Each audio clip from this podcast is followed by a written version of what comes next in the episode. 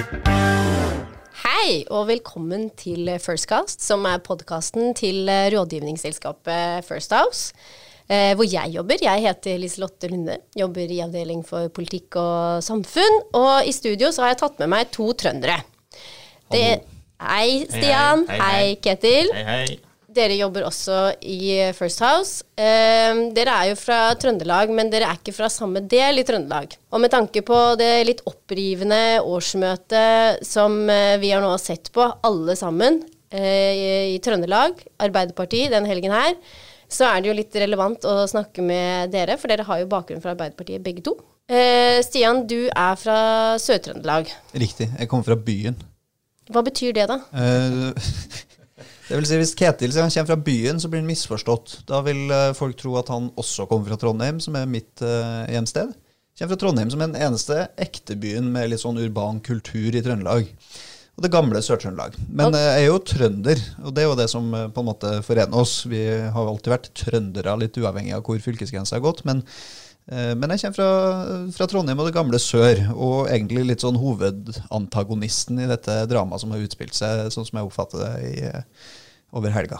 Ja, eh, det, er jo, det er jo dere kanskje nå det, Jeg tror Stian egentlig satt litt fingeren på det alle vi som er fra nord i fylket, misliker ganske sterkt med folk fra Trondheim. Da. De tror de er bedre enn oss andre. Nå vet jeg jo at en Stian ikke tror egentlig Jeg det. vet. Jeg vet. Jeg vet.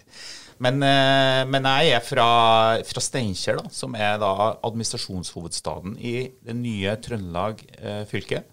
Eh, og vi har eh, Jeg har jo vært med i fylkespolitikken i Nord-Trøndelag før Trøndelag ble ett fylke. Og har jo, har jo hva skal jeg si, fulgt den debatten som var i helga på årsmøtet, eh, med stor interesse. For jeg tror at veldig mye av det som skjedde der, var òg en kulturkollisjon mellom kanskje det gamle Nord-Trøndelag og, og Trondheim. Og jeg ser at veldig mange kommentatorer og eh, folk som kommenterer i sosiale medier, kanskje ikke helt eh, er inn i denne sjargongen som går på hva er egentlig Trøndelag Arbeiderparti? For det er veldig stor forskjell på eh, gamle nord, vil jeg si. Både politisk og kulturelt, og det som kanskje Trondheim Arbeiderparti har representert. Og hvis ikke du eh, forstår det helt, så er det veldig gjort, fort gjort f.eks. å putte sånn som Ingvild Kjerkol, da, som er som ny leder. Hun er fra Stjørdal. Altså, for dem som ikke helt fulgt med i o-fagstimene på skolen, så Tror ikke det heter ordfag lenger. Nei, det, jo, nei, men eh, vi, vi, vi henvender oss til både gamle og eldre lyttere. Du, du, du er jo den yngre delen, Stian. Så, så I samfunnsfagstimene, da, geografitimene, så går skillet mellom et sted mellom, midt mellom Stjørdal og Trondheim, i det gamle nord og sør. Eh, og inntil for ganske kort tid siden så var det to ulike fylkeslag med to ganske forskjellige kulturer. Og eh, jeg tror det var en som sa til meg en gang her, som var i, i Høyre i Nord-Trøndelag, som sa det at eh, det er ganske underlig når man kjenner de to fylkeslagene, Nord- og Sør-Trøndelag. Og så sa det at Nord kunne ha vært et eh, lokallag i Rogaland Høyre, sa. Nord-Trøndelag Arbeiderparti. Så vil sikkert mange i Nord-Trøndelag Arbeiderparti protestere heftig på det.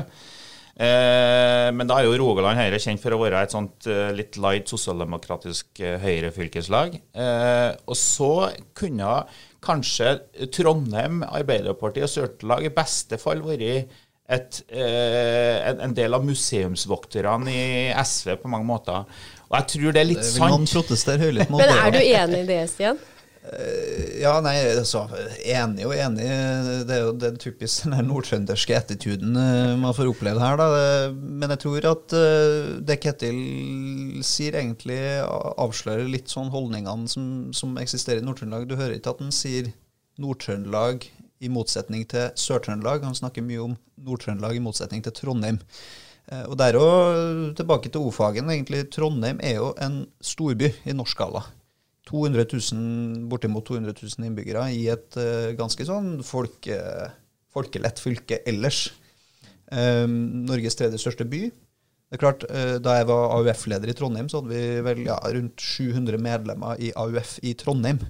Uh, AUF-laget den gangen jeg var fylkessekretær i AUF i Sør-Trøndelag, var det største fylkeslaget med god margin i AUF. Sånn at det er jo veldig stor tyngde både medlemsbasen og, og, og, antall politikere som har sin bakgrunn fra Trondheim eh, i trøndelagspolitikken. Og dermed så blir kulturen i Trondheim ganske utslagsgivende for kulturen i Sør-Trøndelag, og etter hvert også da etter sammenslåinga i 2017 for, for, Trøndelag. Og Det er vel det vi har sett uh, her. Nettopp. Men eh, vi må jo spole litt tilbake, fordi det mange nok sitter og lurer litt på, det er jo Trond Giske han kommer jo fra Sør-Trøndelag, og Ingvild Kjerkol kommer fra eh, Nord-Trøndelag. Og i utgangspunktet så ble jo Giske innstilt. Og det syns mange er veldig rart. Mm. Kan du si litt hvorfor, han, hvorfor ble han egentlig innstilt? Jeg tror ganske mange har oppsummert det godt på forhånd før denne podkasten kommer, og dette har vært analysert og, og gjennomgått på, på, veldig mange måter. Men jeg tror den eh, beste kommentaren rundt det var at uh, Trond Giske mista jo aldri tillit i sitt eget fylkeslag på noe tidspunkt. Og så er det mange som har sagt nå etter helga her at metoo kom rekende som en flaskepost opp til Trøndelag etter den var, si, hadde gått verden rundt og vært på agendaen over hele verden, over hele Norge, så kom den til Trøndelag til slutt. Tre år på ettertid. Og det var kanskje det som skjedde eh, i helga. Men hvorfor snudde det plutselig, da? Og det er vanskelig å si, men hvis man har fulgt med litt på politikk og vært med i politiske beslutningsprosesser før, vært med på årsmøter, vært med på landsmøter, så kan man si at det, noen gang på et årsmøte eller et landsmøte så værer du en form for dynamikk. Da, for å si det sånn. Du, du værer at noe er i ferd med å endre seg. Du kan ta de helt ordinære politiske saker. Ketil satt sikkert på andre sida av, eh, av, den prosessen i forkant, men, eh, men, den gangen jeg var på landsmøtet til Arbeiderpartiet i 2010 og vi skulle behandle postdirektivet, eh, så, så, var det et heftig arbeid fra, fra, regjeringshold, SMK og alle disse her, som, som jobba veldig hardt for at dette skulle legges lokk på. Dette var en sak som skulle Eh, undertrykkes og på en måte stemmes, eh, stemmes vekk. På et tidspunkt så væra mange nok at her kom det til å gå eh, her kom regjeringa til å gå på et nederlag. Dette kom til å bli nederlagssaken for regjeringa på dette landsmøtet. Og da skjer det noe med stemmedynamikken. Da er man li, litt mindre redd for å, være, for å havne i det litt ubehagelige mindretallet. Da skjønner man at man vil være på på vinnerlaget. Det kan skje i den typen politiske personkonflikter som vi hadde i, i, på Trøndelags årsmøte denne helga også. At du værer at her går dynamikken i Trond Giskes disfavør. Eh, så var det mange ting som utløste det. Jeg tror at um, helt sentralt for dette her så var innlegget til Ellen Reitan. En insider i trondheimspolitikken, eh, trøndelagspolitikken, som har sittet tett på de viktige prosessene over lang tid som fortalte om hvordan hun hadde opplevd kulturen.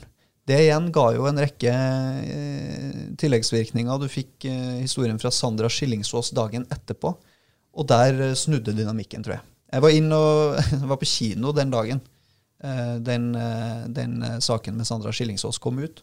Jeg gikk inn i den kinosalen, og ting var ja, ikke spill, men, men ting, var, ting, var, litt mer uklart enn det hadde vært, vært på forhånd.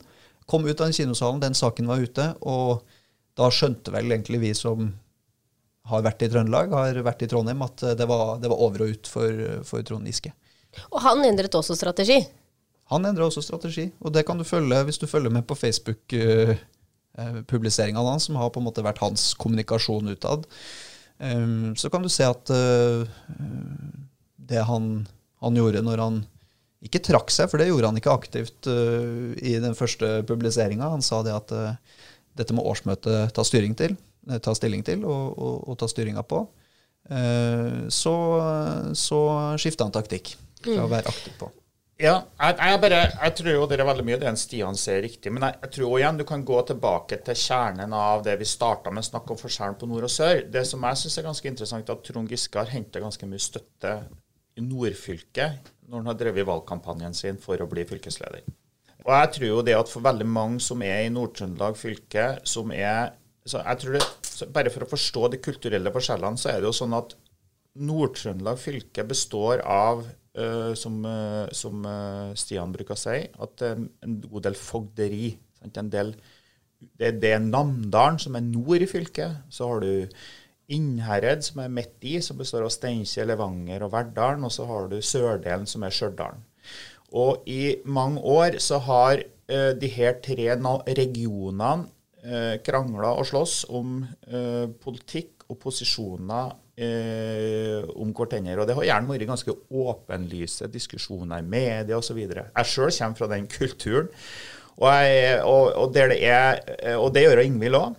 Sånn Ingvild er vant til å ta en diskusjon, hun er vant til å ta det i offentligheten. og jeg, jeg vil si at Nord-Trøndelag er en, ganske prag, Man er opplært til å være ganske pragmatisk. Man er vokst opp med Aker Verdal, man er vokst opp med Norske Skog. altså eh, Man har eh, den største eh, oppdrettskommunen i landet, i Nærøysund, i nord i Namdalen.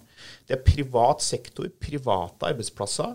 Og eh, man har kanskje en, en, en, hakk, en, anelse til høyre politisk, for å si det sånn, i forhold til, eh, forhold til Trondheim og Sør-Trøndelag.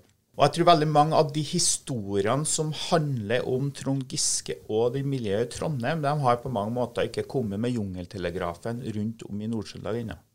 Sånn at For nordtrønderne så var det ikke så stort. Ja, han har kanskje eh, gitt en klem til ei jente, og man har på mange måter bare litt sånn Men det må vi kunne tilgi ham. Jeg tror for dem som sitter, har sittet rundt om i partilaget i Nord-Trøndelag, så har ikke dette vært en sånn alvorlig sak på den måten. Mm. Uh, og jeg tror òg at det har vært en sånn Ja, dette må partiet få lov til å bestemme sjøl. Her er ikke noe folk fra Oslo i hvert fall skal legge seg borti. Og når de her jentene som representerer, eller damene kanskje mer riktig å si nå, jentene ser vi i Trøndelag, så er det klart at da, når de kommer med sine historier, så er det ganske sterkt. Fordi at jeg tror at det var nok, noe sånn realitetsorientering for veldig mange om hva dette faktisk handler om. Eh, og etter mitt skjønn så har det vært en ganske sterk ukultur i Trondheim Arbeiderparti. Det har vært min personlige betraktning i ganske mange år. fordi beslutningsprosessene i Trondheim Arbeiderparti har vært så lukka. Eh, sett fra mitt ståsted som er nordtrønder. Det har vært en sånn, kall det en god gammeldags sentralistisk tilnærming. At nå har ledelsen bestemt noe, og nå slutter vi rekkene og holder kjeft. Og det er, det er, det er jo en, ofte en sånn, et sånt dilemma i en sånn organisasjon. Da. Hvor mye skal du ta eksternt? Og hvor mye skal du på en måte jeg kan, diskutere internt? Jeg kan jo legge til det, Ketil, at jeg, jeg tror også det er sentralt å forstå hvordan dagens Trondheim Arbeiderparti ble Trondheim Arbeiderparti, sånn som vi kjenner det. Ja. Som en maktfaktor, som et rød-grønt fyrtårn, som en bastion i nord. fordi eh, Rita Ottevik har vel vært ordfører nå i 17 år. Før det så var det vel 18 år med høyrestyre. De ulike blokkene sitter lenge i Trondheim, kan det virke som. Men husk på at Trondheim Arbeiderparti var et partilag med brukken rygg. Eh, du hadde en Høyre-ordfører som var ekstremt karismatisk, Marvin Wiseth. Du hadde et partilag som hadde store problemer. Så var det en krets rundt Trond Giske, med Trond Giske, som bestemte seg for å gjøre noe. Ta noen grep. Endre dette her. Så gikk man inn, jobba systematisk over tid, og klarte å få Trondheim Arbeiderparti tilbake i eh, politikken som en maktfaktor. Det var deres politiske prosjekt. Og så har på en måte den suksessen, kan du si, vært med på å prege eh, kulturen. Så lenge du vinner valg, så er ikke det organisatoriske prosjektet, de demokratiske prinsippene i lokalpolitikken, så viktig. Så lenge du vinner valg, så lenge du har trygg styring, så lenge du har noen som vet hva de holder på med, så er det godt nok. Og jeg tror at det er helt riktig. Og jeg tror jo eh, suksessen i, på et tidlig tidspunkt har blitt det som har gjort at man har havna i den smørja man har gjort. Fordi at jeg tror det at i den, i den suksessen har man bygd en veldig sterkt, nesten litt sånn sektaktig kultur. Der, eh, der, det, der ledernes ord er lov. Og det er jeg alltid personlig veldig skeptisk til sånn type kulturer der det er så lukka. Der du ikke kan kikke inn og se på og kontrollere om normene som er i den kulturen, er til gavn for personer eller ikke. Og jeg, jeg har jo sjøl opplevd at når du kommer inn og prøver å komme inn i, i det miljøet, så er det opplever det som ganske stengt, hvis du ikke sjøl er en del av det. Og det, det, har jo Det er jo Tror jeg har jeg tenkt, i hvert fall nå i under denne uka som har vært, har vært en vært litt pro, altså Det er en del av problemet. Og, mm. og, og i det eh, oppgjøret som hun Sandra var det, tok, så pekte hun jo på den organisasjonskulturen. Hun pekte jo på to ting. Hun pekte på det som gikk på eh, kalle tafsing. eh, og det som går på eh, organisasjonskulturen, der det ikke er lov å si fra når noe er galt. Og det kan jeg tro på. Altså jeg tror at sånne typer lukka kulturer frembringer den type ting, og den tiltrekker seg mennesker som ønsker å eh, kanskje bruke det på en feilaktig måte. Men det er jo litt sånn som Stian sier, at eh, det er kanskje ikke noe vits i å ta tak i den kulturen så lenge det går bra politisk. Altså Det har jo gått kjempebra for Sør-Trøndelag Arbeiderparti, så hvorfor skal man da begynne Absolutt. å ta fram eh, problemene og snakke om det som er vondt og vanskelig? Og det har jo gått igjen uendelig mange ganger, særlig rundt Trond Giskes person, at han er så flink at dette må vi se mellom kortene i. Og det har på en måte vært litt gjennomgangstonen i Syns du, det- syns du det er rett, da, Stian? Nei, det syns jeg ikke. Nei. Ikke når det havner, havner der at, eh, at eh, du må bli nødt til å velge mellom en person eller et parti. Mm. Uh, og, og det var jo det Trøndelag Arbeiderparti til slutt gjorde. De satte partiet først, foran Trond Giske. Og ofte så tar jeg meg sjøl og tenker at her har man eh, misforstått lojalitetsbegrepet. Fordi en sånn type kultur, klart det det gjør, det avler opp veldig sterk lojalitet til enkeltpersoner. Og det kan du iblant misforstå som lojalitet til partiet. Men det er det som er så spesielt kanskje med partikultur, da. At uh, i, i mange partier så vil man så lenge det går veldig bra eksternt og utad, man gjør det godt på meningsmålingene, så har man jo ikke lyst til å dra fram disse interne konfliktene. Så er det kanskje enkelte partier som eh, mitt parti Venstre som gjerne brer ut mange, mange konflikter og tar det veldig eksternt. Mm. men det slår jo ofte tilbake også. Men eh, det som jo er litt spennende nå, er jo eh, Ingvild Kjerkol. Det er jo ikke alle som eh, kjenner til henne. Men hun har jo vært stortingsrepresentant i mange år, og nå er hun helsepolitisk talsperson fra Arbeiderpartiet. Og hun skal jo prøve nå å binde dette, dette fylket sammen igjen. Tror du hun lykkes med det? Jeg tror jo at hun har en formidabel utfordring. Ikke som, ikke som hva skal jeg si, ikke som, eh, som går på liksom det her eh, Det å binde politikken nødvendigvis sammen, for det tror jeg alltid du får til et parti. Så du kan alltid bli enig om. Det, du, det gjør man jo i Venstre sikkert kompromisser, og man finner løsninger som gjør at man blir enige om det ene og det andre. ikke sant? Men hun har en formidabel utfordring med at tilliten til personer og mellom fraksjoner i Arbeiderpartiet i Trøndelag er så tynnslitt. Men på den andre sida så tror jeg på mange måter kanskje at Ingvild er den rette. Sant? Fordi at Ingvild har Kjerkol, som jeg har kjent uh, veldig lenge. Uh, hun har noen sider som, som er eh, kanskje ganske godt egnet til å gjøre det. Altså, Ingvild Kjerkol er jo eh, smidd i det beste av nordtrøndersk politisk tradisjon, vil jeg si. Hun er pragmatisk. Hun er eh, flink til å lage kompromisser og gode løsninger.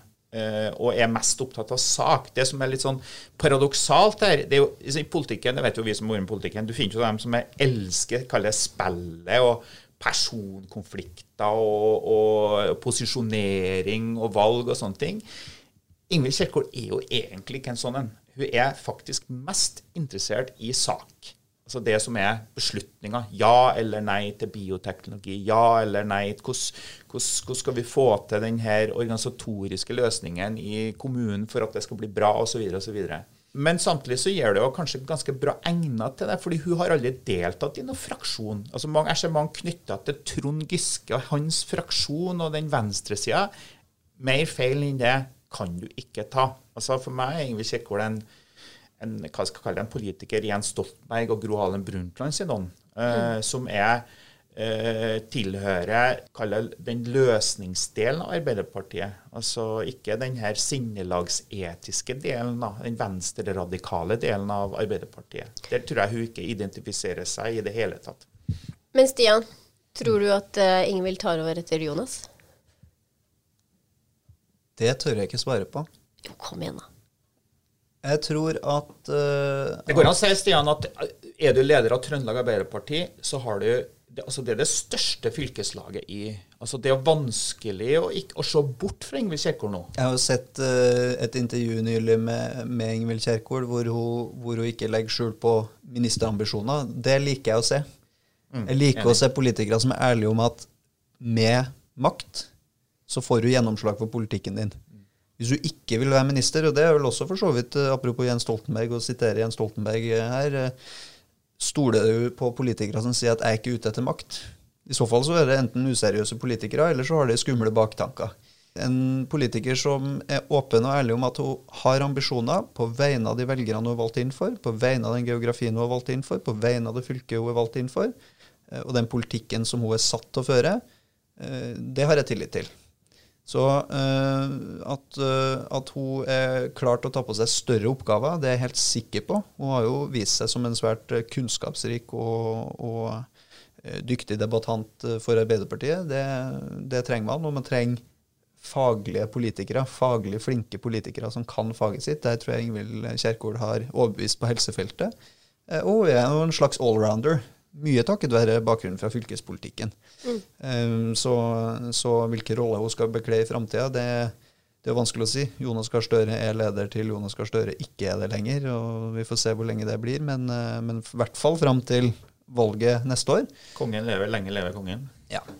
Det går, det, går an, det, går, an, å si Jeg tror at jeg er litt sånn uh, mer sånn Ikke så redd for å spå. Jeg tror at av, de, av dem som er aktuelle Eh, arvtaker etter Jonas nå er kanskje Ingvild Kjerkol segla opp til å bli en av de heiteste kandidatene, fordi hun sitter og nå eh, leder det største fylkeslaget i, eh, i, i, Arbeiderpartiet. Og jeg tror jo at noe av det som er det eh, positive for Arbeiderpartiet her, oppi all galskapen som var, er jo at du ser at interessen for eh, Arbeiderpartiet og fylkeslaget Arbeiderpartiet jo, har jo helt fenomenal. Jeg hørte at Trøndelag Arbeiderparti hadde 100 000 seere på sine nettsider. Mm. Og da ble i tillegg det her årsmøtet sendt på eh, NRK, TV 2, Alltid nyheter, NRK Alltid nyheter osv. osv.